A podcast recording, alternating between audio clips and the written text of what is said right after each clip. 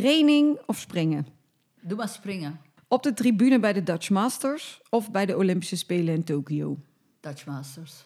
Lesgeven of zelf rijden? Zelfrijden. Aan tafel bij Humberto of bij Eva Jinek? Huberto. We could be heroes. Leuk dat je luistert naar Horse Heroes. De podcast waarin Floor Schoenmakers van EHS Communications in een persoonlijk gesprek gaat met een hypische ondernemer. Elke week een nieuwe gast en ook elke week een leuke giveaway. We gaan beginnen. Ze nam 28 keer deel aan de Nederlandse kampioenschappen en werd maar liefst 13 keer Nederlands kampioen. Ze nam zeer succesvol 7 keer deel aan de Olympische Spelen. Ze reed 5 wereldkampioenschappen, 9 Europese kampioenschappen, nam deel aan 14 wereldbekerfinales en ga zo nog maar even door. Ze ontving verschillende eretitels en onderscheidingen, werd ruiter van de eeuw en benoemd tot ridder in de orde van Oranje Nassau. Ze richt een eigen kledinglijn op en geeft veel trainingen en clinics. Ze is fanatiek, perfectionistisch, optimistisch, recht door zee, maar bovenal ook een gedreven moeder van twee net zo fanatieke springkids, Janneke Jansen en Ava Ede genaamd. Ze is getrouwd met chef Jansen in Las Vegas door Elvis. Maar ze is vooral ook de persoon waar ik vroeger als klein meisje posters van boven mijn bed had hangen. En waar ik op concours hele dagen met zenuwen op kon wachten omdat zij weer in de ring zou verschijnen. De Amazone waar ik urenlang ademloos met kippenvel naar heb zitten kijken. En waarvan ik nog steeds hoop dat ze ooit weer in die ring verschijnt. Net zoals vroeger. Het zal niemand ontgaan zijn dat ik vandaag iets wat hyperdepiep ben, omdat ik de gast mag zijn bij mijn enige echte jeugdidool, Ankie Magrunswe. Hallo Ankie, Hallo. daar zitten we dan. Jij eh, kwam net uit een eh, fotoshoot. Ja, ik had net een eh, fotoshoot voor de kledinglijn. Dat doe ik nog twee keer per jaar. Ehm, ik weet wel zeker dat ik eh, niet professioneel model had willen worden. Dat is niet zo mijn ding. Maar zo'n middagje is prima om een keer te doen. En eh, jij hebt het enorm druk. Ik vind het bij jou wel even leuk om te beginnen met eh, hoe ziet een, een dag uit het leven van Ankie eruit in eh, 2021? Ja, het is eigenlijk nooit echt hetzelfde. Het enige wat eigenlijk altijd hetzelfde is dat ik vroeg opsta en dan uitgebreid ontbijt en dan ga rijden. En eh, daarna de rest. Dus dan is het eh, ja, meestal iets met de kinderen voordat ik ga rijden, naar school brengen of eh, lesgeven smiddags in een standaard dag. Vind ik ook superleuk om te doen. En daarnaast kinderen helpen op of afzadelen of met de training of mee op concours of groom of de vrachtwagen rijden of net springles of ja, bedenk het maar. Dat is altijd wel iets. Maar wel, ook wel heel druk met de kids in de middag elke keer. Met, eh, Ja, ja, ik dacht toen ik, eh, ja, vanaf dat ik de kinderen heb gekregen, dacht ik, oké, ik ga me niet meer helemaal doodwerken tot eh, s s'avonds laat. Dus toen stopte ik om vier uur en toen ze klein waren was het eigenlijk prima. Maar vanaf dat ze gingen rijden is dat eh, ja, eigenlijk niet meer rustig. Want dan, als ze dan gaan rijden, ja, dan moet je toch weer op en afgezadeld of ergens mee naartoe gereden. Of... Maar ik vind het ook heel leuk. Ik vond het echt corona in het begin super fijn om gewoon om vijf uur afgewerkt te zijn en gewoon op de bank of zo te zitten. ja. Maar daar was na een maand wel klaar mee. Dus eh, ik ben blij dat het weer een beetje druk Weer is. begint nu. Ja, Hey, ehm, ik begin eigenlijk altijd de podcast even met een, eh, een, een, een, een terugblik met... ehm, Oh nee, we beginnen eigenlijk altijd waar we elkaar van kennen. Wij kennen elkaar al best wel ook al heel lang. Maar ik ben wel benieuwd of jij nog weet waar wij elkaar van kennen. Nou, dat weet ik eigenlijk echt niet. Want eh, zolang als ik me kan herinneren, ken ik jou. Maar als jij nou vraagt waarvan ken ik jou in het begin, dan weet ik eigenlijk helemaal niet eens. Ja, ik, de- ik denk dat... Want ik, zit ik dacht eerst dat het was met dat wij een paar websites hebben gemaakt. Maar ik denk in het aller, aller, aller begin misschien Eerder. wel van Eurohorse. Misschien nog ja, wel. dat denk ik ook. Ja, Ja, dat denk ik ook. En dan is er van, van alles, van allerlei leuke dingen wel gedaan. Maar ik wil even een klein stukje weten over ehm, jouw paardenverleden. Hoe jij was als kind, hoe dat ooit is begonnen, hoe je in de paarden terecht bent gekomen. Maar dat kunnen we ook wel overal heel veel lezen, dus daar hoeven we niet heel lang op, op in te gaan. Maar ik vind het toch wel leuk om, eh, om daar die podcast mee te beginnen. Ja, ik denk nog steeds dat het een wonder is dat ik eh, paard ben gaan rijden. Want mijn vader kocht een ponnetje en ik durfde daar gewoon niet op. En dat is echt mijn eerste herinnering, dat dat ponnetje losliep en ik van school gehaald werd om de pony in te vangen. Maar ik ging niet rijden. En waar woonde jij toen? en ik- wij woonden in de straat. En eh, mijn vader had eh, zijn paard en de ponies van mijn broers en mijn Shetlandertje ehm, buiten het dorp staan. Bij In Erp. iemand in Erp op stal gehuurd. En dan gingen we er naartoe. En later ehm, ging ik natuurlijk toch rijden. En eh, dat was Pieter. Daar hebben we trouwens een foto van hier. Maar ehm, ja, dan mocht ik maar twee keer in de week. Want dan moest ik samen met mijn vader. kon natuurlijk niet alleen. En toen woonde ik nog niet waar ik nu woon. En toen ik tien of zo was, toen zijn we gaan wonen waar we nu zitten. Ja. Eh, en hier de ponystal. En ja, toen was alles bij elkaar. Maar dan mocht ik nog steeds alleen maar rijden als mijn vader in de buurt was. Want eh, maar ja, dan met mijn broers en dan meestal uit school, stallenmesten, ponytje rijden. En wat had jouw vader dan? eh, Had, was dat ook echt een paardenman? Ja, mijn vader was helemaal paardengek. En eh, ja, van huis uit hadden ze bij mijn vader niet zoveel geld. En ehm, dus ja, die heeft dat vroeger nooit kunnen doen. Nee. Dus toen die, eh, die kon een timmerfabriek overnemen van onze toenmalige buurvrouw, tante Tony. Dat is als een oma van mij geweest altijd. Daar heb ik ook altijd langs gewoond en ja, daar was ik ook heel veel. En ehm, hij heeft het kunnen overnemen. En ja, toen had hij genoeg geld, heeft hij een paard gekocht en ponies. Maar mijn vader is wel echt de aanstichter van het hele verhaal. En jouw moeder? Die was bang van paarden, dus die deed, die deed de was. Ja, nog steeds trouwens. Nog steeds als wij van concours komen, dan wordt de witte was naar oma gebracht. Ja, dat is handig. Oh, wat leuk. Maar hij heeft jullie dus, eh, want ja, broers ook, zijn ook Ja. eh, aan het rijden. Of allebei, toch? Ja, mijn broers rijden intussen niet meer. Maar, Maar wel met hun de kinderen paarden, wel ja. weer. Dus eh, eh, die kinderen zitten allemaal in het springen. En dat vind ik wel grappig. Want als ik dan eh, in het begin, nu niet meer, kwam met de kindjes op concours, gingen ze springen. En dan zei iedereen, oh Ankie, op het springterrein. Ja. En toen dacht ik, ja, oh, dat die kinderen zijn gaan springen. Maar ik dacht, ik ben het zwarte schaap. Want iedereen sprong bij ons in de familie. Mijn broers en mijn neven, mijn nichtje en mijn kinderen. Ik ben echt de enige die, Die dressuur is gaan doen, ja. Maar toen he- he- kocht hij dat ponnetje. Dus jij ging aan het rijden. En, en wat gebeurde er dan, daarna? Ja, eh, hoe bedoel je? Nou, toen die pony, ik bedoel, op een gegeven moment ben je natuurlijk naar de paarden Ja, eh, nee, gegaan. ik, ik ging gewoon ponyrijden zoals ik denk dat ponyrijden bedoeld is. Gewoon, eh, weet je wel, spelletjes en dressuur en springen en achtal, viertal uren in de parade. Buitenritjes. En toen ik twaalf was, zat ik op mijn paard. Maar dat weten de meeste mensen wel, omdat ik met mijn moeder op concours moest. Die bang is van paarden, dat was geen succes. Of we moesten te voet met de ponyclub. Maar ik woonde drie kwartier van de ponyclub af, dus dat was ook altijd wel een uitdaging. En, ehm, maar ja, toen kon het allemaal. Hè. Dan ging je te voet naar de ponyclub. Ja. En dan bij de ponyclub ging je dan eh, ja, samen op de grote vrachtwagen op concours. Maar eh, toen ik twaalf was op Prisco... Nee, eerst een paard van mijn broer.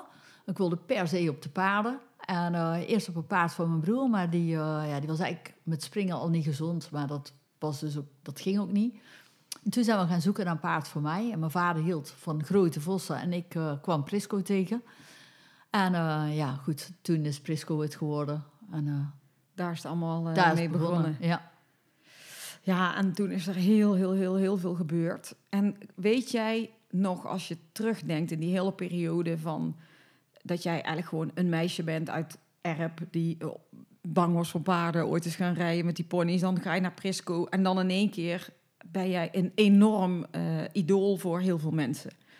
Hoe heb jij dat beleefd?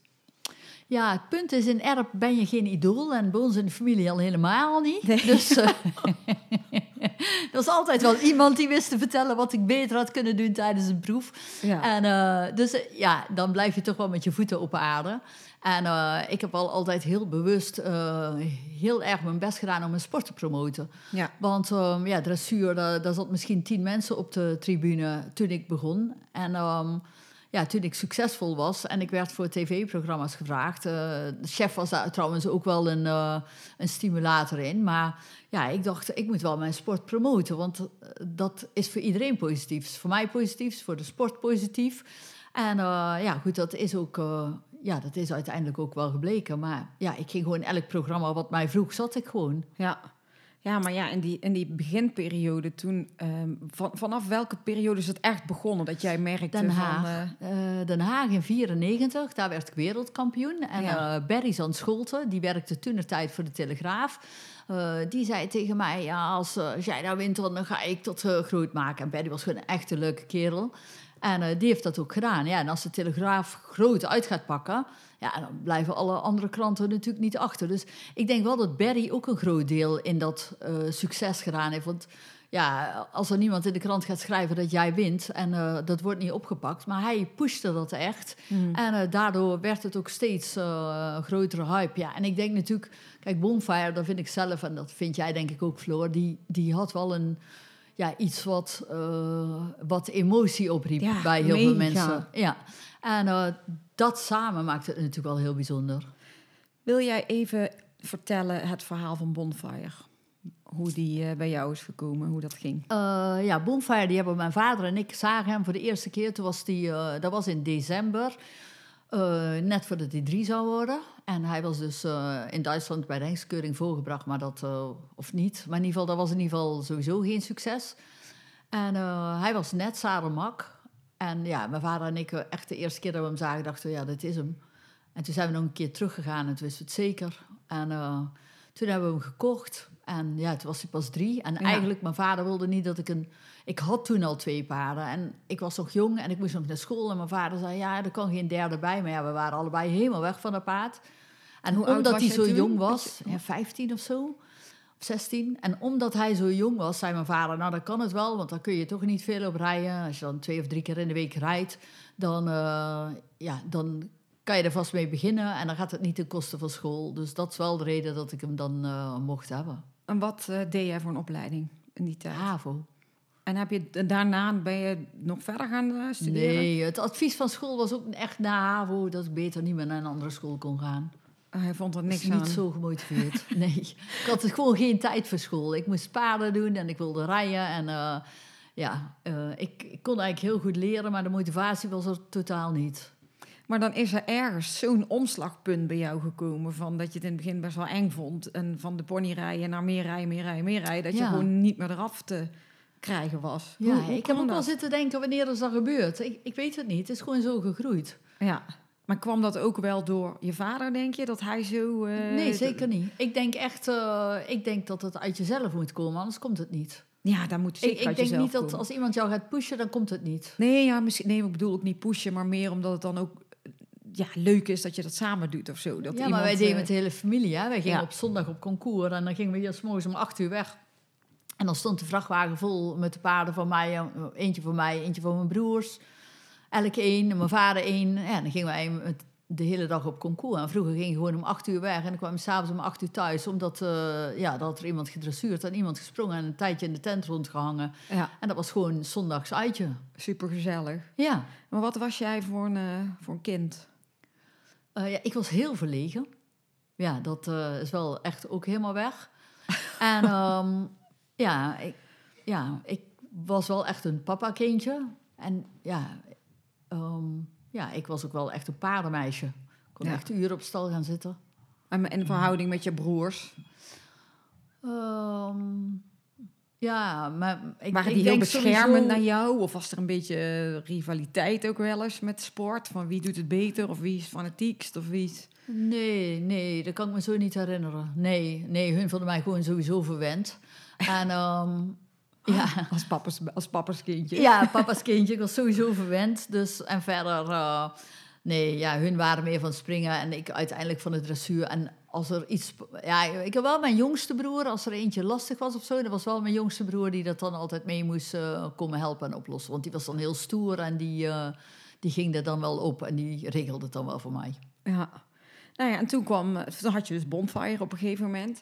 En toen zaten jullie met de stal al... ehm, hoe, hoe, hoe, was, hoe zat de stal toen in elkaar? Hoe zag het bedrijf eruit? Eh, ja, toen hadden we hier... eh, Of naar de HAVO? Jij stopte naar de HAVO. Ja, ik dus- stopte naar de HAVO. En toen stond hier een... eh, mijn vader was commandant bij de ponyclub en de rijvereniging. Hij, hij was ook heel actief in alles eromheen. Organiseerde een concours in Uden. En we hadden hier een binnenbaan staan. En toen ik 18 werd, wilde ik in de paarden. En mijn vader was tegen. Die zei, nou, dat, die zag het niet zitten. Maar ja, ik wist zeker dat ik dat wilde. Dus toen zei hij, oké, de stal staat er. Ehm, hier heb je een kasboek en eh, regel het maar. Dus die is toen echt eh, gestopt met... eh, ja, ik had Bonfire, dus oké. En ik had een vrachtwagentje en verder moest ik het gewoon allemaal zelf doen. Dus ik gaf s'avonds tot 10 uur les voor 25 gulden per uur. Ja. En ja, ik stond 's morgens gewoon om 7 uur de stallen te mesten en te voeren. En dan had ik iets van acht paarden te rijden. Dat bouwde, ja, in het begin werkte ik dan nog halve dagen in de doe-het-zelfzaak. Maar dan kreeg ik, ik reed toen al twee hengsten hier voor de hengsthouder uit het dorp. Ja. En ehm, ja, dan kwam er een Mary bij en eh, een hengst voor die. En ja, dan op een gegeven moment dan reken gewoon acht. Maar ik deed alles zelf, dus mesten, opzadelen, afzadelen. En dan, als ik dan klaar was om half zes, had ik snel bij mijn moeder even binnen. En dan van zes tot tien gaf ik dan nog de hele avond les.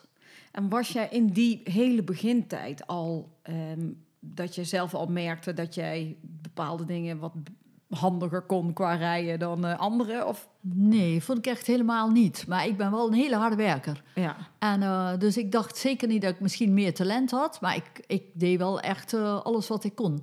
En zeven dagen in de week en altijd door. En ik denk wel ook, kijk, je kan talent hebben, maar talent verwend. Dus ik denk wel dat het, het harde werk en het, het veel willen doen en veel paarden rijden en doorzetten, dat heeft mij wel het vers gebracht, denk ik.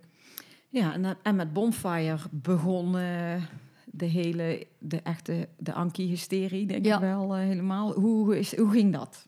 Wat weet je daarna? Wat kun je daar nog van herinneren in die Ja, ik denk, beginperiode? eh, ik, als, als, als jij dat nu zo zegt, dan komt het eerste wat in mij opkomt, is Den Haag 94. ja, dat ik daar won en dat die mensen helemaal uit hun dak gingen en dat Bonfire zelfs niet het stadion binnen durfde, omdat eh, je moest daar onder publiek door. En iedereen was zo helemaal de dolle heen dat ik hem niet eens de, de ring inkreeg voor de prijsuitreiking. Maar ik heb wel het gevoel dat daar de hysterie begon. Want toen ik daar s'avonds uit dat eh, park wegstapte, de, hingen, nou, de mensen hingen gewoon in de dranghekken. Dat was echt... eh, ja, dat was echt... maar wat dacht je toen? Had je toen niet zoiets van, oké, hoe dan? Nee, ja, ik vond het gewoon geweldig dat het, eh, dat het gelukt was. Maar eh, ja, het is niet zo dat ik eh, zelf er van alles bij ging denken. Nee, want de week daarna is er weer iets anders. En er staat weer een ander paard wat je misschien niet goed kan rijden. Eh, ik heb er wel van genoten. Ik vond het echt geweldig. Maar ehm, het is niet zo dat ik toen in één keer dacht dat ik goed kon rijden of zo. Nee, maar het was ik denk wel heel gek om te ervaren hoe mensen dan in één keer gaan reageren op de hele emotie rondom dat paard. Maar daar kwam ook eh, een chef ergens. Ja, Op je pad. toen al. Die eh, chef... eh 91, 90, 91. eh, en die, had, had je Bonfire? Ja, toen had je Bonfire ja, wel die al. had ik al. Ja, die had ik al. En ehm, eh, ja, ik reed zelf, sterker nog, ik reed met Bonfire al Grand Prix toen die zeven was. Ja, En toen was ik volgens mij nog niet bij chef aan het trainen, maar ik had steeds het gevoel, eh, dit paard kan zoveel meer als dat ik kan rijden. Eh, weet je wel, hij, hij, ik, ik vond steeds dat ik niet goed genoeg was voor dat paard. En ehm, pas bij chef eh, begon dat ik dacht, ja, dit is ook echt wat ik in het rijden moet leren. En ik heb trouwens altijd bij Jo Willems gelest en dat vond ik ook echt geweldig. Eh, daarna heb ik eh, verschillende trainers en systemen gehad. Maar eh, Jo en chef zijn in mijn rijden wel echt het belangrijkste geweest. En met Bonfire was het echt chef dat ik dacht, ja, dat heb ik echt nodig. Want anders is het zonde van de kwaliteit van de paard als er iemand op zit wat er maar de helft uithaalt. Ja, chef die zei iets van dat jullie ehm, samen eh, in de running voor de Olympische Spelen waren. En eh, jij ging Ja. en hij bleef thuis. Ja, ja. maar, ja maar dat was Prisco nog, hè? Ja, Ja. en, eh, ja, maar daar heb, in die periode hebben jullie elkaar wel leren kennen, vertelde hij iets over. En ehm, dat je toen ook, of dat hij jou toen ook ergens een beetje had geholpen of zo. in de training of zo op voorterrein. Ja, maar dat was meer met... eh, in mijn herinnering was dat nog met Prisco. Want in die, wij reden samen de selecties voor Seal. En eh, ja, dat is echt super grappig. Want ehm, eh, in een van die eerste selectiewedstrijden ging het met Prisco helemaal mis op concours. Die, nou, dat, die piafeerde niet meer. En de dag daarna belde chef op, is die te koop? Nou, dus ik zei tegen mijn vader, dat is ook achterlijk. Dan loopt het één dag niet, gaat hij gelijk bellen. En toen, eh, ja, dan gingen we een aantal concours waar we elkaar dan tegenkwamen. En eh, toen de laatste wedstrijd was in Schoten, de laatste selectie voor de Olympische Spelen van Siel. Ja. En daar ging Prisco echt heel goed. Voor zijn doen dan tenminste, dat is een ander niveau als nu. En eh, chef, zijn paard, de laatste middenlijn, ik denk dat hij hem iets te scherp had. Die nam in de laatste piaf een sprong, die zat bijna in het jury ook. Dus die was eruit. En toen wij de dag daarna, mijn vader eh, en ik, samen gebeld van... Goh, chef, is die te koop? Oh, zei hij, ja, neem me mee ding. Ja, maar eh, ja, toen zei hij wel, eh, toen gaf hij me wel al een keer een tip van, eh, want Prisco was best wel een, ja, een lastig, ja, ja, niet zo makkelijk paard, vond ik dan. En toen zei hij, ja, je moet eens een keer wat vaker overgangen rijden om de ring, dat hij een beetje beter op jou let. En toen dacht ik, ja, ja, dat doe ik eigenlijk nooit. Dus ja, het was al af en toe al dat hij met iets hielp. Ja, maar hij was... Maar wij waren wel eerst samen voordat we echt bij elkaar gingen trainen. Ja. Ja. ja, maar dan was je, eigenlijk kennen jullie elkaar als een soort concurrent eh Ja. ruiter dan. Ja. En waar sloeg de vlam in de pan dan? Eh, ja, dat weet ik eigenlijk ook niet meer precies. Ja, chef heeft wel heel erg zijn best gedaan in het begin. Want toen dacht ik echt, oh, dan ging ik ergens lesgeven. En dan kwam hij daar in één keer eh, kijken. Of dan ging hij mee wat eten of zo. En ja, ik weet eigenlijk niet waar de vlam in de pan is geslagen. Niet echt eh, één moment of zo. Maar eh, ja, we gingen steeds vaker eh, samen iets doen. En toen op een gegeven moment toen, ja, was het dan een soort van aan. Toen was het aan. En dan zei chef al zo mooi dat de familie er heel blij mee was in het begin. Nee, niet. Maar eh, sterker nog, eh, er waren een heleboel mensen die eh, mij kwamen waarschuwen. En dat het niet zo'n goed plan was. Zelfs juryleden die zich ermee Oh, gingen bemoeien. Ja. Maar ik ben altijd zo van, ja goed, jullie kunnen dat allemaal wel zeggen. Maar ik zal het toch zelf moeten voelen. Ik Ja. ben erg van de ervaring. Dus ik dacht, ja, als ik het niet probeer, heb ik de rest van mijn leven spijt. En als ik het wel doe en het wordt niks, dan stoppen we er toch weer mee. Is dat niet zo moeilijk? Maar toen eh, was je niet meer zo heel verlegen dan in die periode. Nou, ik denk dat daarom ook iedereen wel een soort van in shock was. Want ik, had, ik was altijd best wel... eh, ik had wel mijn eigen eh, ding, maar ik was niet dwars of zo. Maar ik had wel mijn eigen, mijn eigen mening. En met dit dacht ik, ja, jullie kunnen dat allemaal wel vinden... maar ik moet dat toch zelf ervaren. Dus ik, ik gaf dit niet op. Terwijl daar iedereen volgens mij wel een soort van dacht van... Huh? Ja, omdat die, dat het dan ook twee bekende namen in die tijd natuurlijk Ja. uit uh, Paarland was. Want, want je hebt niet... eh, eh, voor chef zijn er natuurlijk wel andere relaties geweest. Of, of nooit echt serieus. Jawel, ik, had een, ik heb best wel lang een vriendje gehad, maar die, deed, die was trouwens ook heel erg leuk, maar die deed veel met bomen en daar had ik dan weer minder mee. Een bomenfluisteraar. Ja, nee. Ja. Nou ja, oké. dus op een gegeven moment was chef er en jullie waren samen aan het trainen. En, en waar is, zijn jullie toen samen eh, het bedrijf begonnen? Dat op een ja, gegeven wij moment... zijn eigenlijk nooit samen het bedrijf begonnen, want ehm, ik had hier gewoon mijn stal. Ja, En eh, wij zijn op, eh, samen gaan wonen en toen had chef zijn paarden in Asten staan. En eh, ja, na verloop van tijd is chef ook deze kant uitgekomen. Maar in principe hebben wij gewoon eigenlijk wel nog steeds ons eigen bedrijf. bedrijf, ja. En op een gegeven moment, ehm nou ja, bonfire-verhalen, daar, daar- zijn eh, heel veel verhalen over te vertellen natuurlijk. Ik wil, vind het wel leuk om daar even één dingetje van te weten. Wat, eh, wat was voor jou in de hele bonfire-periode echt het meest memorabele moment? Wat nog niemand weet. Ja, wat iedereen wel weet, maar gewoon zijn er ook dingen dat nog eigenlijk niemand weet. Dat je denkt, dat was zo bijzonder toen en dat heb ik eigenlijk... Ja, ik denk eh, in, in Arnhem, daar, dat vond ik zelf heel heftig. Vond ik helemaal geen fijn moment als ik er nu aan denk. Want eh, in Arnhem werd ik Europees kampioen. Maar hij, had, eh, hij heeft twee keer in zijn leven een blessure gehad. Het paard was echt ongelooflijk. Maar voor Arnhem ehm, was hij er ook heel even uit. En in Arnhem was het heel warm. En ik had echt eh, die laatste kuur gereden. En ik stapte terug naar stal. En ik had gewoon echt het gevoel dat hij gewoon te veel had gedaan. En ik was echt zo overstuur. Want ik dacht, oh, dat paard dat doet echt... eh, ja, die, die doet dingen wat hij niet moet doen voor mij. En eh, ik vond dat niet een fijn gevoel. Dus ik heb dat EK gewonnen. Maar ik had daar geen... ik, ja, hoe moet ik dat zeggen? Voor mij was dat niet prettig. Geen blij gevoel Nee, ik had daar geen van. blij gevoel bij. Want ik dacht, hij, hij ging echt voor mij door het vuur. En eh, op, daar in Arnhem had ik het gevoel dat hij gewoon te veel van zichzelf had gegeven. En oké, uiteindelijk was er niks aan de hand hoor. Maar het was vooral toen ik terug naar stal stapte... dat ik dacht, oh, hij was zo bezweet en hij was zo moe. En ik dacht, oh, dan wil ik hem gewoon eigenlijk... eh, ja, Helemaal niet aandoen. Nee. Maar eh, volgens mij zat ik er meer mee als hij. Want de dag daarna was er, er was gewoon verder niks aan de hand. Maar ja, dat gevoel dat vond ik echt heel vervelend. En, ehm, en kijk, net als in Sydney, ja, dan, weet je wel, dan loopt het en dan was hij nog fit. En de dag na Sydney, de gouden medaille, dat vind ik dan weer wel heel grappig. Weet je wel, dan heb je die gouden medaille en dan is het eigenlijk pas fijn. Dus Ja. dan ging ik, de dag daarna ging ik op zo'n groot veld. Dacht ik, oh, laat ik hem lekker uitgalopperen. En er kwamen al die auto's aan voor die mensen die naar het springen gingen kijken. En dat was zo'n open veld. En ik lekker verlichte zit, lekker hard over het veld. en hij schrikt van zo'n tentje. En hij draait om. En ik hing nog net met mijn voet aan dat zadel vast. Oh, toen dacht ik, oh, dat was wel echt grappig geweest als ik afgekukeld was. Weet je wel, dat al die mensen aankomen van, oh, wie ligt daar? Oh ja, die won gisteren Oh ja, die won gisteren- Ja. die gisteren nou, en dat is een fijne gevoel, weet je wel, dat je de dag daarna dat nog hebt en dat zo'n paard dan nog eh, ja, super fit is. En jouw eh, familie en zo, die waren natuurlijk ook altijd mee eh, naar de Olympische Spelen, of niet? Mijn vader en mijn moeder waren altijd mee, ja. Ja. Ja. Ja, gaaf. Dat is wel echt leuk dat je, die, eh, dat, je dat zo met, met, met z'n allen weer hebt gedaan. En op een gegeven moment, ehm Salinero kwam in beeld. Ja, nou die was al in beeld, want die was hier al eh, in 2001? Nee, 2000. Ja, ik weet het niet meer precies. Maar in ieder geval, hij was hier, maar ik vond er helemaal niks aan. Waar, En, eh, waar hebben jullie die gevonden toen? Chef eh, heeft hem gevonden en verkocht aan een Amerikaanse klant.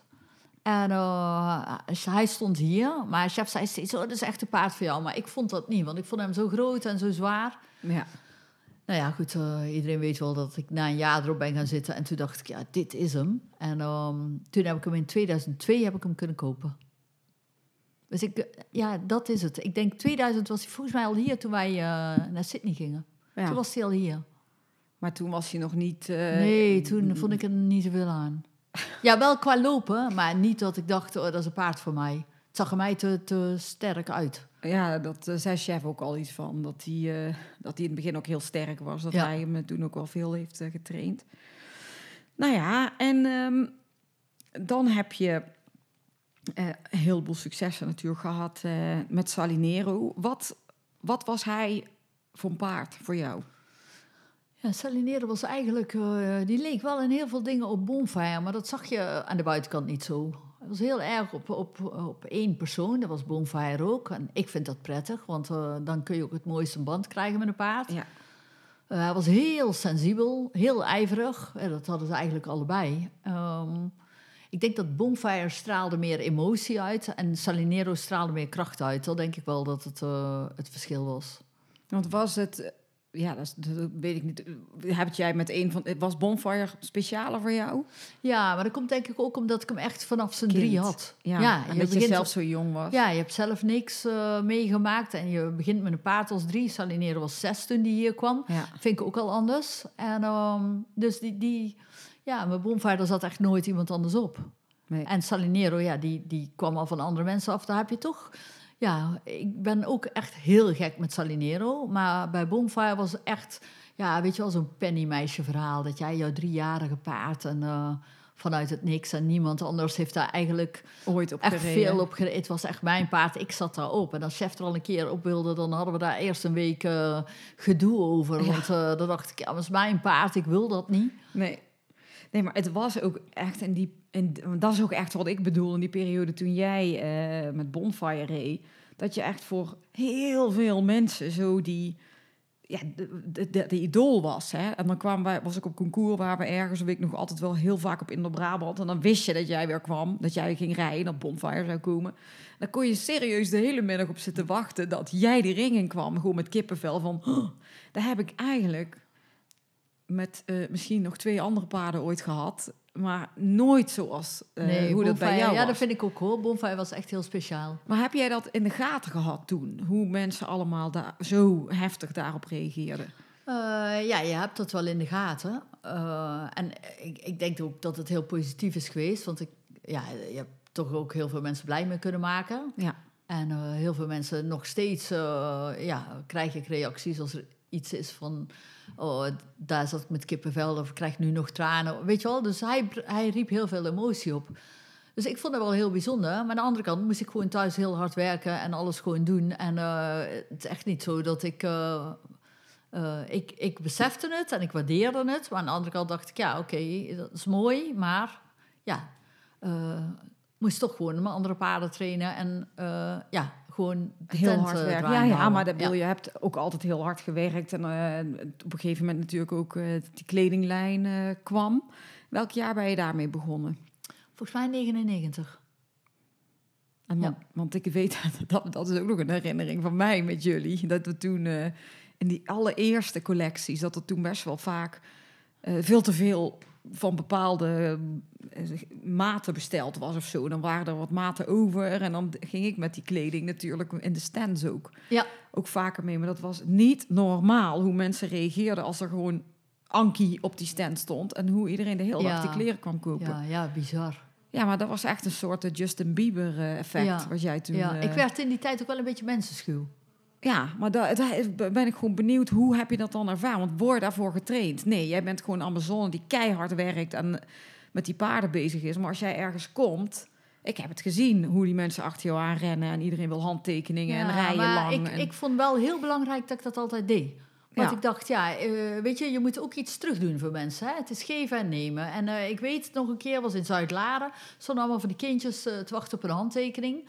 En er waren ruiters die gingen dan via de achteruitgang eruit. En toen dacht ik, ja, dat vind ik zielig. Want die kinderen die staan daar. Ja. En dan heb je al gezegd, ja, je moet even wachten. Ik moet mijn paard nog even zorgen, maar ik kom zo terug. Maar ik ging wel echt altijd even terug. En eh, of er nou vijf of eh, vijftig waren, ik, ik ging nooit zeggen dat het niet kon. Nee, Nee, want ik dacht, ja, die, die kinderen, hè, die, die doen ook de moeite. Die gaan daar ook voor staan. Ja, eh, hoe moeilijk is het om daar iets voor terug te doen? ja, maar dat is, jij was ook gewoon, eh, jij hebt ook gewoon die dressuursport zo populair gemaakt. eh, ja, natuurlijk maar ik heb daar ook echt mijn best op gedaan. Maar ook, ja, wat ik straks ook al zei, het is, eh, weet je, ik vind als, als mensen moeite doen voor jou, dan moet je daar iets terug voor doen. Ja. Het is geven en nemen. En dan, eh, ja, op een gegeven moment, kijk, het heeft mij ook veel gebracht dat de sport populair werd. Ja. Ja, ja, maar ja, je moet wel blijven presteren. Weet je wel, als je paard, niet- er gebeurt wat mee in de paarderswerk, dan is het, maar bedoel, jij bleef ook met alles wat je deed, bleef het gewoon doorgaan, doorgaan, doorgaan. En toen kwam Salinero en toen gebeurde eigenlijk het weer allemaal opnieuw. Ja, dat was gewoon wel heel gaaf. En toen ging Salinero weg. Toen dachten wij allemaal, en nu?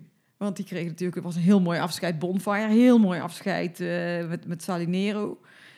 En dan denk je, er komt weer een paard. En waarom is dat, heb je dat daarna nooit meer... Nee, maar dat heb ik ook altijd gezegd. Ik zei, als ik mijn kinderen krijg, dan wil ik dat niet meer. Ik wil niet de rest van mijn leven alleen de wereld rondreizen. Want Nee. dan, eh, ja, ik heb dat gedaan van eh, mijn achttiende tot, eh, nou ja, zelfs met de kinderen. Ik bedoel, eh, ik heb Londen nog gereden, 2012. Daar waren de kinderen allebei bij. Ja, Maar ja, ik dacht, het is niet mijn ambitie om mijn kinderen hier bij de nanny thuis te zetten en dan zelf overal op concours te gaan. Dat wilde ik gewoon niet. En ik heb tussendoor natuurlijk dat renen nog even gedaan. Maar ja, toen gingen de kinderen zelf rijden. Nou, dan wil ik daar toch gewoon bij zijn. Want ehm, ja, ik heb mijn deel al gehad, vind ik. Wat wil je nog allemaal meer meemaken? En ik nee, vind en het het nou is ook... eh, ja, nu vind ik het superleuk. Ik heb concours, ik Ja. rijd de vrachtwagen, ik zadel die ponies en paarden mee op en af. En eh, ja, het leven is eigenlijk hetzelfde, maar nu kan ik gewoon weer... Kijk, in, in mijn, aan het einde, eh, ehm, de lol ging er een beetje af. Niet van het rijden, maar eh, als ik op concours kwam, kwam ik bijna niet meer aan mijn eigen paard toe. Want eh, ja, er kwam zoveel bij kijken en nu vind ik het fijn. Nou ben ik groom op concours, dus ik Ja. ga s'morgens voeren. We doen samen eh, stappen en weet ik wat je allemaal doet. Maar ik sta toch mee de tuig te poetsen, sta mee de ponnetjes op te zadelen. En dat vind ik juist heel leuk. Maar dat ging niet meer, want eh, de, ja, weet je, ik had nog bijna geen tijd meer om mijn eigen paard op en af te Nee, zadelen. maar dat was een beetje de, de hele keerzijde van de roem, denk ik, ook in die tijd. en dat, eh, dat vond ik niet fijn. Ik wilde gewoon lekker op stal zitten en lekker bij mijn paard zijn. En eh, ja, er kwam steeds meer bij, waardoor, eh, ja, waardoor dat stukje een beetje op de achtergrond kwam bijna. Terwijl daarom ben ik gaan rijden. Kijk, Ja. ik vind het best leuk om... als mensen positief over me zijn, vind ik het natuurlijk hartstikke leuk. En eh, het is ook leuk als iemand je kent en je hebt er voordelen van. En ik, ik denk dat ik er ook het meest alleen maar voordelen van heb gehad. Maar aan de andere kant, ja, eh, ik, wil gewoon, ik ben gewoon een paardenmeisje nog steeds. Ja, Ja, ja. meisje is niet meer het woord, maar ja, wel, maar dat is wel je nog steeds- een paardenmeisje in je ja, dat is wat ik... Ja, eh, lekker op zadelen en lekker rijden en lekker dat... Maar als je ter- ook terugdenkt in die hele beroemde fase, weet je wel, dat iedereen zo continu achter jou aanliep. En dat je, werd je ook natuurlijk heel veel, heel veel in de pers en in de media, op tv, op de radio. Heb je daar eh, ook nare dingen meegemaakt? Dat je dacht van ja, eh, doe maar gewoon serieus. En als je me voor de gek gaat houden of flauw gaat doen, daar heb ik geen zin in. Is dat... Eh, nee, want ik heb altijd mijn mondje wel klaar. Dus ik kan niet zeggen dat ik daar ooit iets negatiefs mee heb gemaakt. Natuurlijk toch wel een hoop eh, negativiteit over me heen gekregen. Eh, vanuit, ja, dat begon eigenlijk in Hagen met het EK toen ik met Salinero weer kwam. eh. Mm. Nou, dat, dat vind ik wel echt heel erg. En eh, eh, dat is ook wel echt hetgene wat mij het meest geraakt heeft. als je dan zegt met populariteit. Het is natuurlijk wel zo dat als je een hele hoge boom bent... Ja. Ja, dat er altijd mensen zijn die daar ja, niet prettig mee omgaan. Dus daar heb ik ook wel meegemaakt. Maar ja, dat vond ik wel echt eh, heel maar vervelend. kun je nog even vertellen wat daar gebeurde voor degenen die dat niet eh, precies weten? Ja, in Hagen, toen met het EK, toen werd er een stuk gepubliceerd in de San Georg. eh, Ja. Over eh, dat ik, eh, ik zou in Athene met Salinero zou die geen water hebben gekregen. Nou, dat reinste onzin, want we hadden inderdaad de waterbak afgesloten omdat we met emmers water gaven, zodat we precies konden eh, meten. Nou, er werden een aantal dingen gesuggereerd die absoluut niet waar waren. En eh, wij hebben toen daar een kort geding aangespannen tegen dat blad. En ehm, we wonnen dat. En achteraf denk ik, ja, misschien had ik beter niet kunnen winnen. Want sindsdien was eh, elk bericht over mij negatief. En alle foto's die slecht waren, werden geplaatst. En, ja, wel heel heftig. Maar ik ben ook te, hoe moet ik dat zeggen?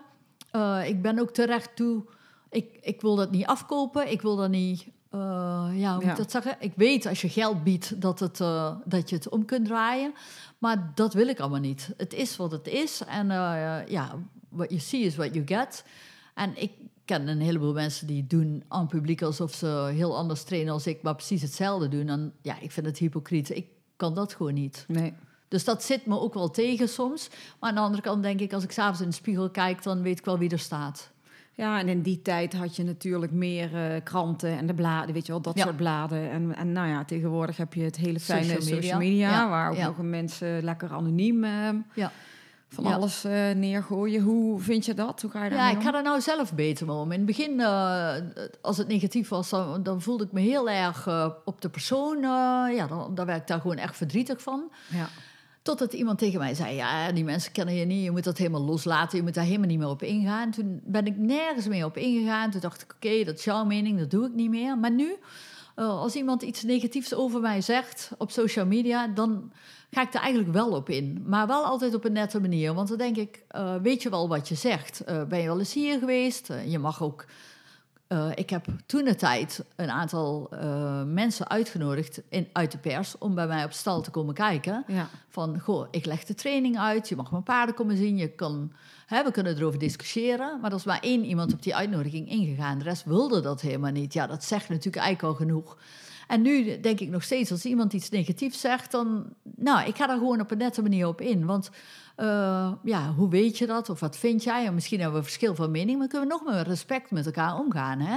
Ja. Ja, ik, ik vind de bagger die af en toe over iemand uitgestort wordt niet normaal. Ik denk, als ik iets vind, dan zeg ik dat. Maar dat kan ook op een nette manier. Dat hoeft niet, eh, niet beneden alle pijl.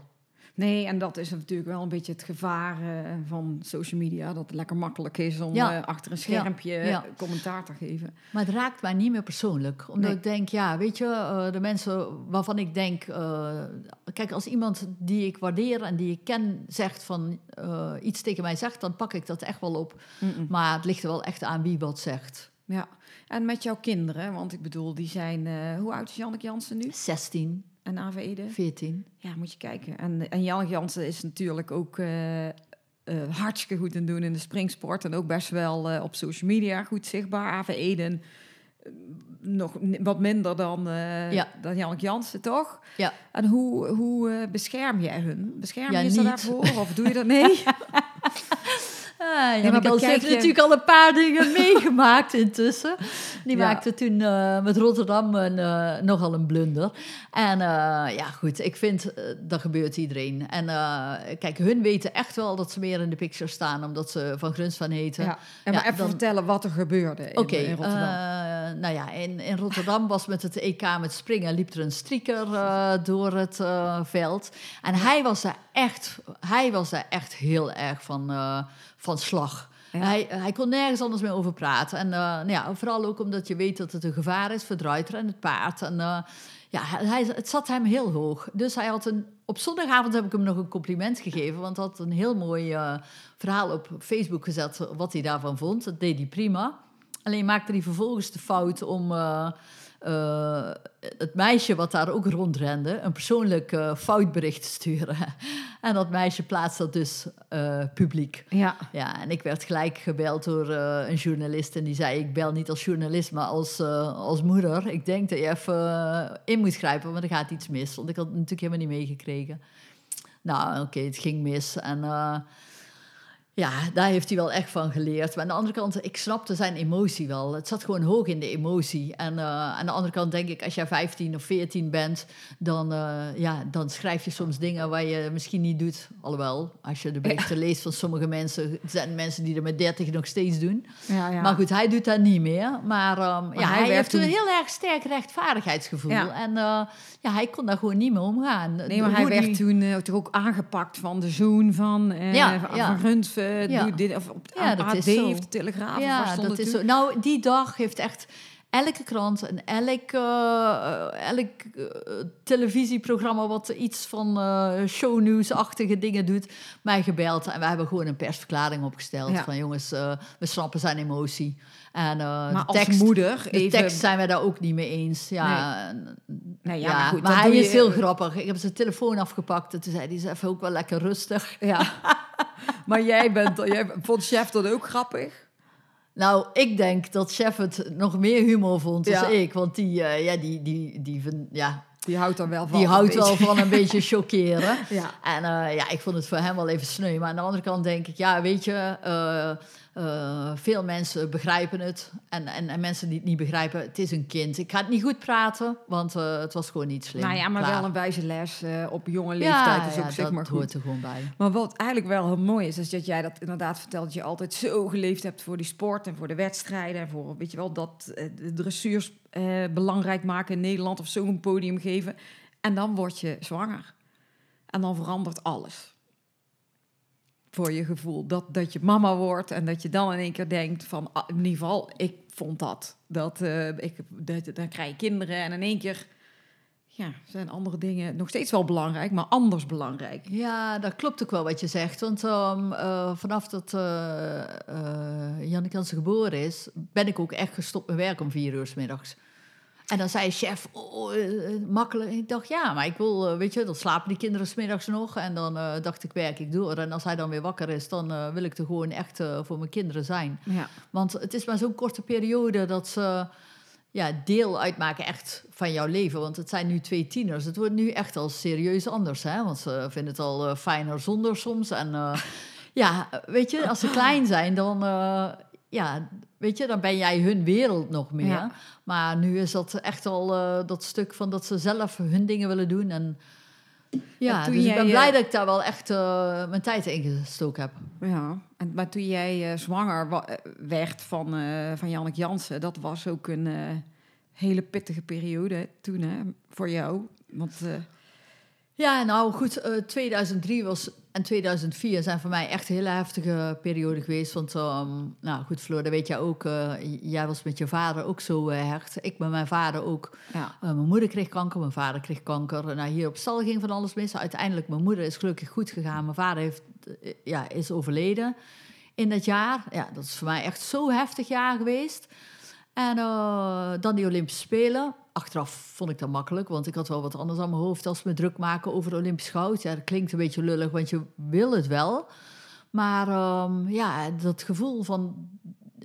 ehm, ja, dat mijn vader er niet was. En dat, dat was voor mij heel hoe lang heftig. daarna was dat? Mijn vader is in april overleden. Ja, En eh, ja, wanneer was de Olympiade? Augustus of zo? Ik weet het niet eens precies. Maar in ieder geval, ik zat nog midden in... De eerste selectiewedstrijd heb ik gewoon niet gereden.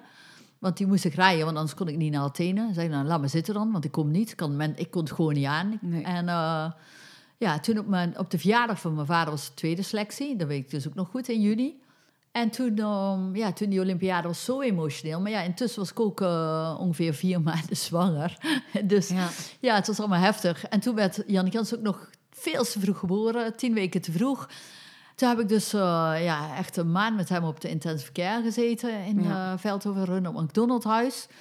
Was voor mij wel een fijne periode. Klinkt heel dubbel, want het was heel heftig. Maar het was voor mij ook wel even een periode van bezinning. Weet je wel, dat je met je kind en eh, heel even alles Alleen Rustig. met jezelf. ja, en, rustig kunt laten bezinken. Wat er, ik had zo'n heftig jaar. Mijn vader dood, Olympisch kampioen, zwanger. Mijn kind veel te vroeg. Ja. Ja, het was echt gewoon heel veel. En ja, dan ga je met je kindje buidelen daar. En eh, dat was voor mij, ja, daar verplicht zitten twee uur. Ja. Gewoon even, ja, dat was voor mij wel echt een, een goede periode. Ja, het was een slechte periode, maar het hielp mij wel heel erg. Maar eh, heel stom iets. Maar heb jij wel eens zo'n iets of iets bijgelovigs of iets van signalen of dingen dat je denkt, oh, dat is pap. Oh, dat wist ik in Athene zeker. In Athene wist ik echt zeker. Ik heb twee keer gehad dat ik dacht, ja, dat is mijn vader bij geweest. Kan niet anders.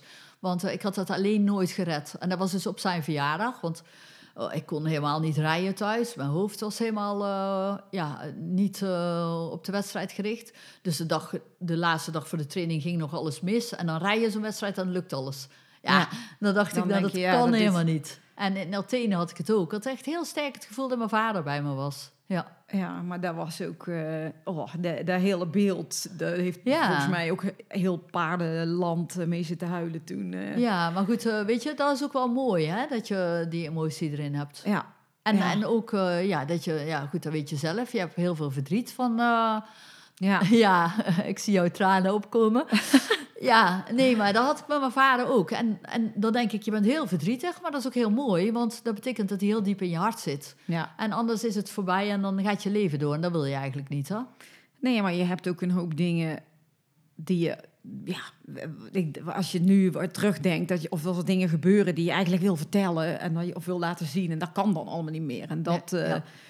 Dat vind ik wel nog steeds wel moeilijk. Dat je, Ja, nou, ik moet ook zeggen, nu, eh, ja, nou zijn we hoeveel jaar verder. ja. Ja, ehm, nou zakt het, maar ik, ik heb wel nog heel vaak gehad dat, dat je dat overvalt. Hè? Dat je iets meemaakt en dat je dat... Ja, ik ging op concours altijd gelijk bellen. En ik weet nog dat ik Aken won. En dan had ik nog nooit gewonnen.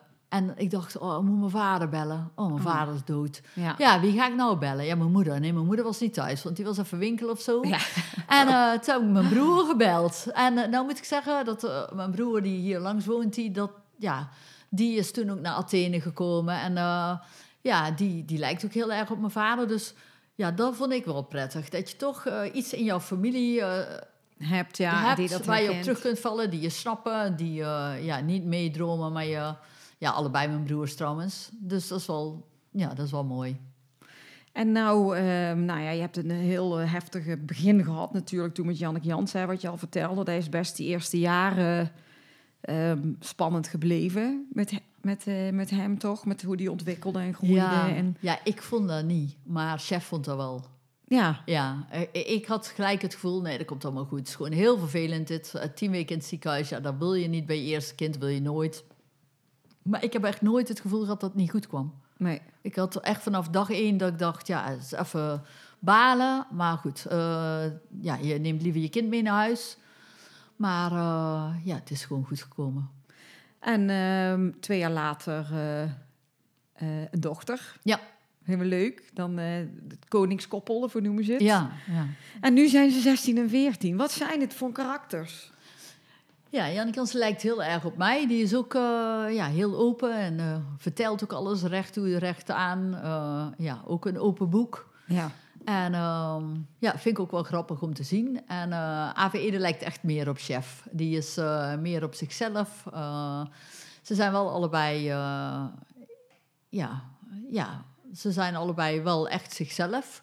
En hebben hun eigen mening en dat vind ik zelf wel grappig. ja. Ehm, ja, ze rijden allebei. Ja, hoe ver dat ze daarmee willen, dat weet ik ook niet. Maar ze zijn voor nu heel fanatiek. Maar we vinden het ook gezellig om, oh, belangrijk om het gewoon... eh, weet je wel, het, moet het moet niet. Het is gewoon gezellig en we Ja. hebben het ook graag leuk op concours. Vind je het eng dat ze springen? Ligt per wedstrijd anders. Ja, eh, ik weet nog dat Janneke als de eerste keer in de BB met Jackie ging rijden. En dat Ja. was iets van 60 centimeter. En de AVE die was nog heel klein en die zei tegen mij... "Oh, kan Jackie die wel springen? En toen zei ik, oh, dat weet ik ook niet. Ik vond het ook heel spannend.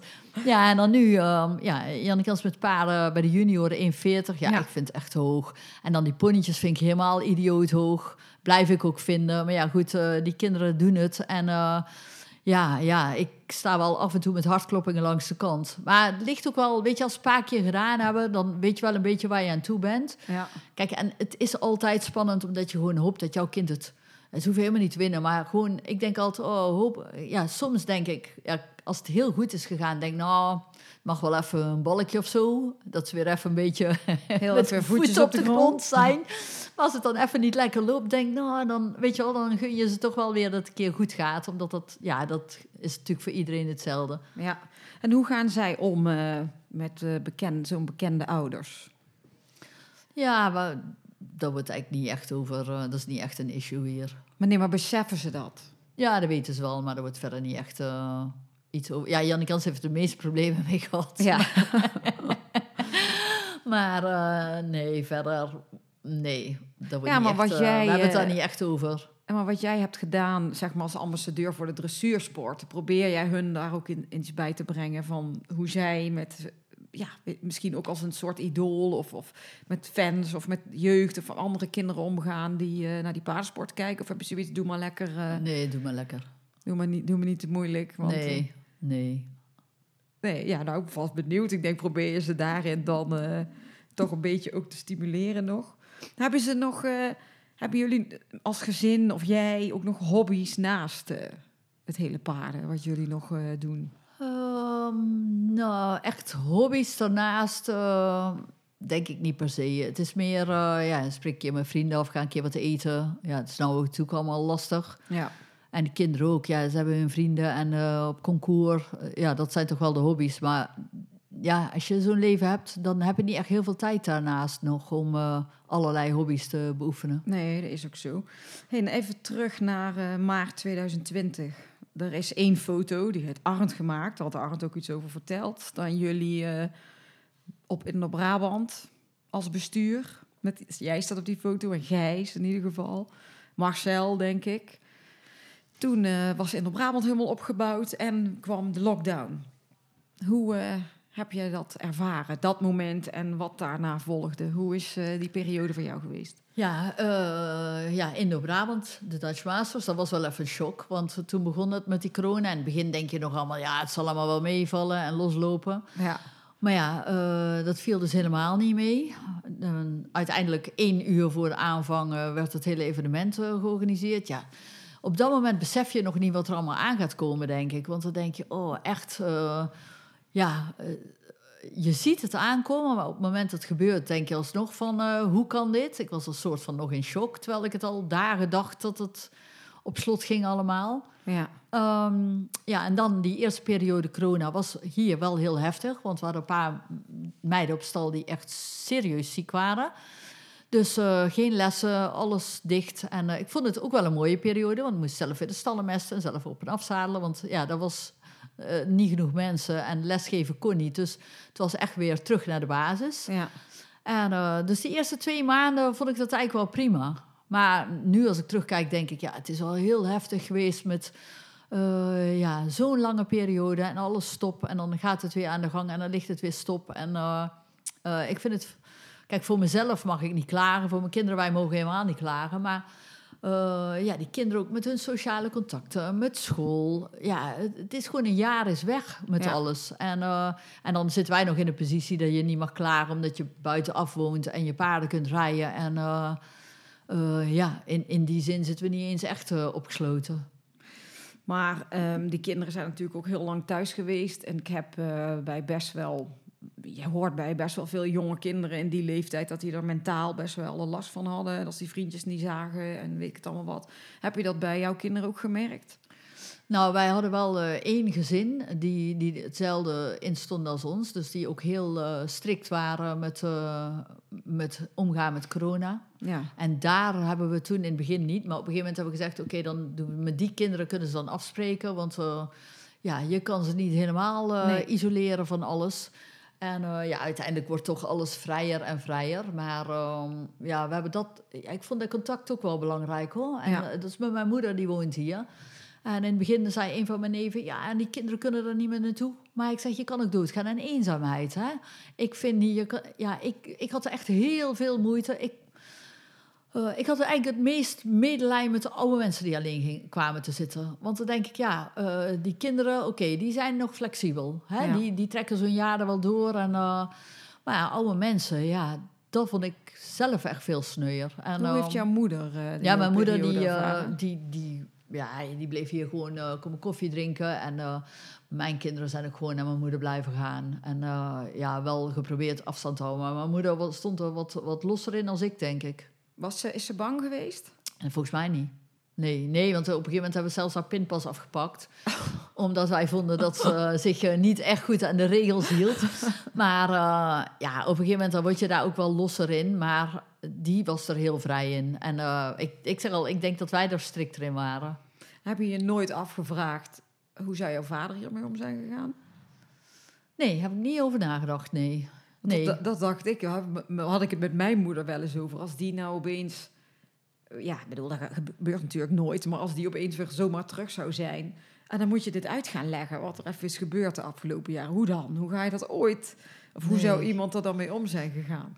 Nee, ja, ja, dat weet je ook niet. Of Nee. je zit erin. Nee. Want ik, ik ben ook, eh, ja, nu vind ik, ik, ik heb corona gehad intussen. Oh, echt? Ja, en, eh, maar ik had geen enkel symptoom. Maar toen moest ik dus in quarantaine. Ja, dat vond ik moeilijk. Want eh, ik kon hier, ik ging nog gewoon rijden. Want dan waarschuwde ik van jongens, ik ga zelf rijden en zelf op en afzadelen. Je was helemaal Blijf uit mijn dan? buurt. Ik had helemaal niks, alleen positief. En, dus ik bleef wel rijden, maar ja, lessen en zo, dat ging ik natuurlijk niet doen. Maar toen voelde ik me wel echt dat ik dacht, ja, nou snap ik, als je echt opgesloten zit, eh, eigenlijk kun je altijd doen wat je wil. Ja. Hè? En dan ineens niet meer. Ja, en dan ineens niet. En dat was maar tien dagen of zo. Maar dat, voor mijn gevoel vond ik dat best wel heftig. Terwijl die eerste maand corona ben ik nergens naartoe gegaan. Maar ik had dat gevoel niet dat het... eh, snap je? En toen Ja. ik corona had, toen voelde ik me gewoon eh, niet vrij. Snap je wat ik bedoel? Ja, omdat je dan eh, weet dat je. Ja, en je niemand- bent bang dat je iemand anders Ja, gaat besmetten. Dat, vond ik. anders Ik besmet. voor mezelf niet eng, maar ik was echt bang dat ik iemand ging besmetten. Ja. En he- heeft het eh, veel effect gehad op jouw eh, bedrijf?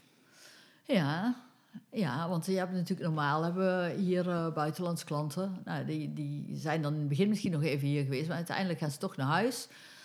Eh, middagen konden we niet organiseren. Normaal hebben we educatiedagen, eh clinicmiddagen, meetmomenten hebben we dan wel nog gedaan. Maar ja, eh, die, die middagen was met een masterclass begonnen.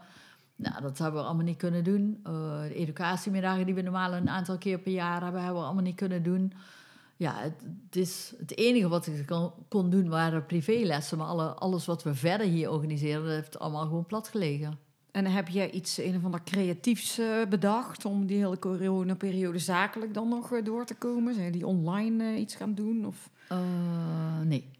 Nee. Want ehm, weet je, ik had in het begin werk genoeg om... ja, je blijft toch met paarden en, Hmm. en met je werk zitten. En in het begin dacht ik, nou, doe even rustig aan. En op een gegeven moment, ja, dan begint het wel weer te lopen. En dan gaan we daar... We hebben wel meetmomenten. En we zijn weer begonnen met clinicmiddagen. Eh, en dat loopt dan wel weer gelijk storm. Maar ja, goed, eh, ja, online. Ik, ik doe wel social media, maar de, als je iets goed online wil doen, dan gaat daar best wel veel tijd in zitten. En Ja. ja, ja daar, daar had ik dan weer geen tijd voor. Nee, en dan misschien ook niet alle zin in. Dan als het niet hoeft, dan... eh Nee. Ehm, even nog naar een klein stukje muziek. Want eh, ik begreep dat chef jouw eh, liedje had gepikt. Ja, chef heeft mijn liedje gepikt. Dat was eh, natuurlijk Those Were the Days van, eh, van Queen. Die eh, gedraaid werden met afscheid van Bonfire en Salinero. En ah, is er niet nog een ander liedje dat je denkt, dat was ook leuk?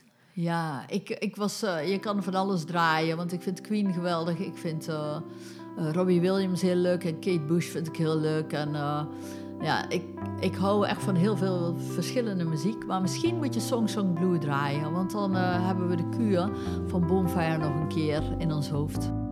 Song sung blue, everybody knows one. Song sung blue, every garden grows one. Me and you are subject to the blues now and then. When you take the blues and make a song, you sing them out again. You sing them out again. Song sung blue, weeping like a willow. Song sung blue, sleeping on my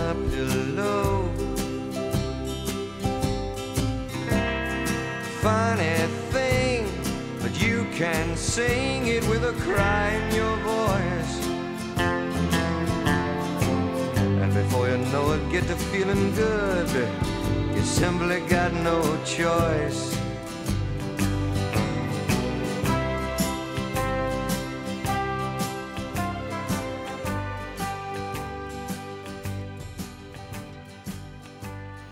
Nou, we hebben net een klein stukje muziek gehoord en eh, ik zit alweer op een uur. Maar ja, goed, ik ben eigenlijk nog lang niet uitgepraat, maar we gaan hem wel eh, bijna afronden dadelijk.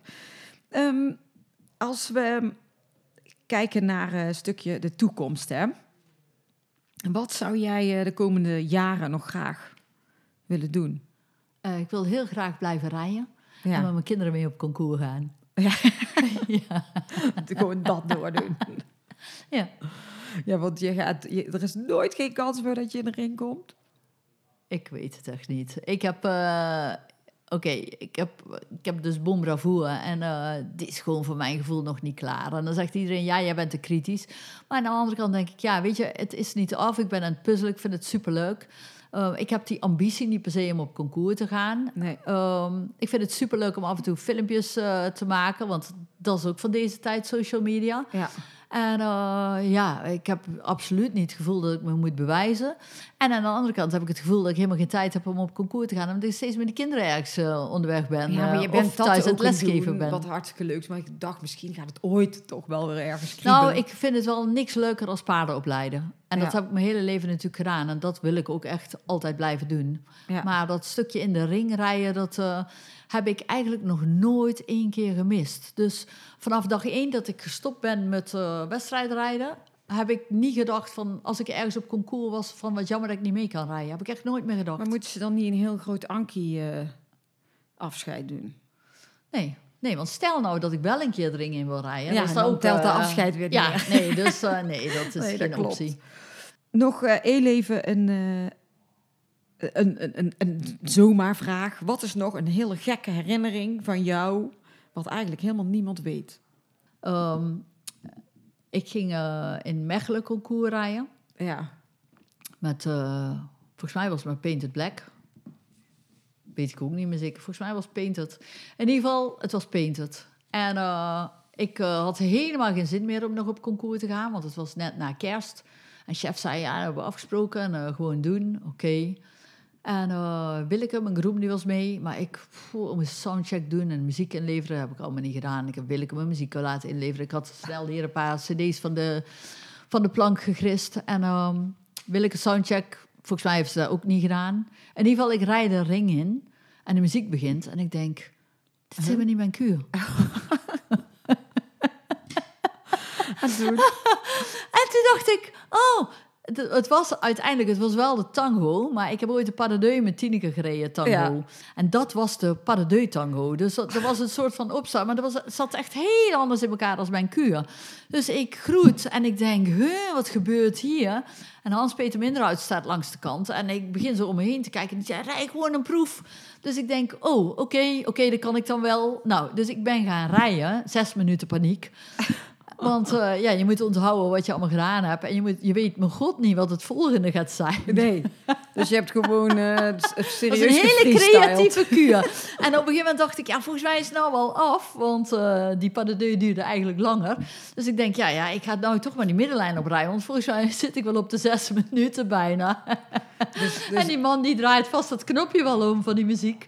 En dat was ook zo. En eh, ik werd toen tweede, maar ze vonden wel een hele ja, mooie, creatieve kuur. Creatieve keur. Nou, dus, ik heb een hele, hele proef paniek gehad. en Oh, geen moet idee wat je hebt gedaan. Ja, Hey, eh, nog even een vraagje over het social media stuk. Hè. Wij hebben ook een keer eh, in 2018 samen op het podium gestaan op in Noord-Brabant. Ja. Toen ik die lancering deed met, met Go Social. Natuurlijk met alle paarden influencers, hoe ze allemaal noemen. En dat was heel grappig voor mij, want ik had natuurlijk aan de ene kant jou van mijn idool van de posters en een beetje gewoon een beetje zo iemand opkijkt hoe jij kon paardrijden.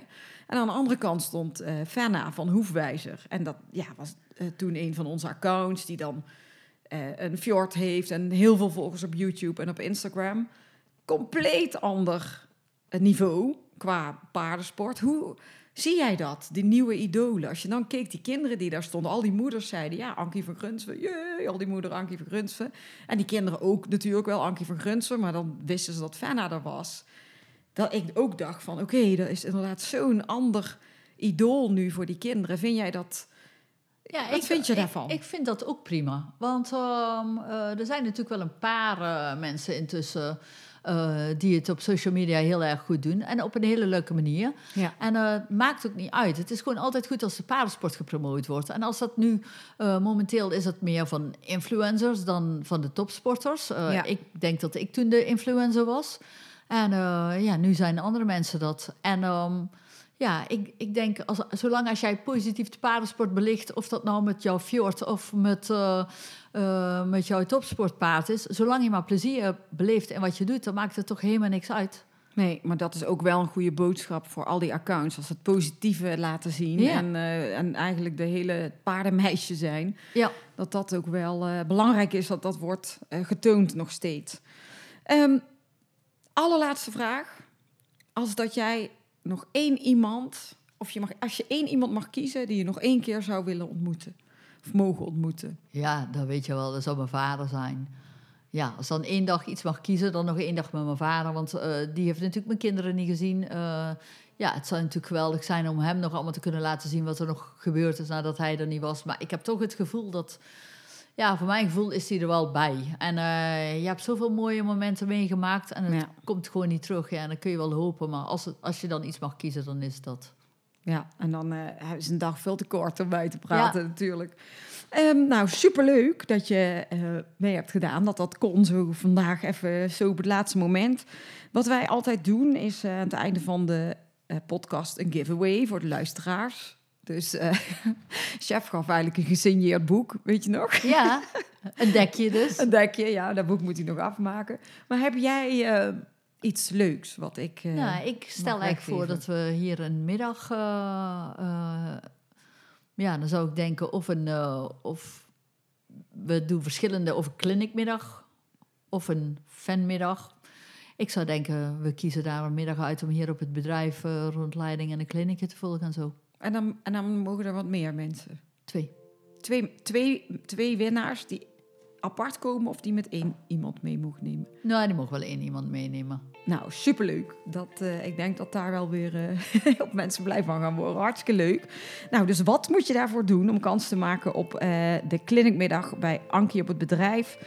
Eh, laat een beoordeling achter op Apple Podcast of een reactie onder eh, de Facebook of Insta post van vandaag. En dan over de, eh, een paar weken kies ik eh, daar weer een winnaar uit.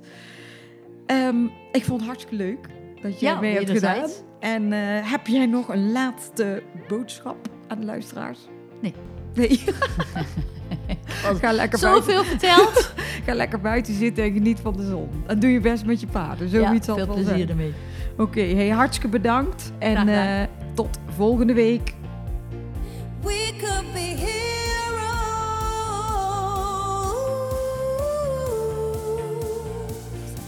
Dit was hem weer, de Horse Heroes podcast. Wil je meer weten over Floor, haar bedrijf of deze podcast?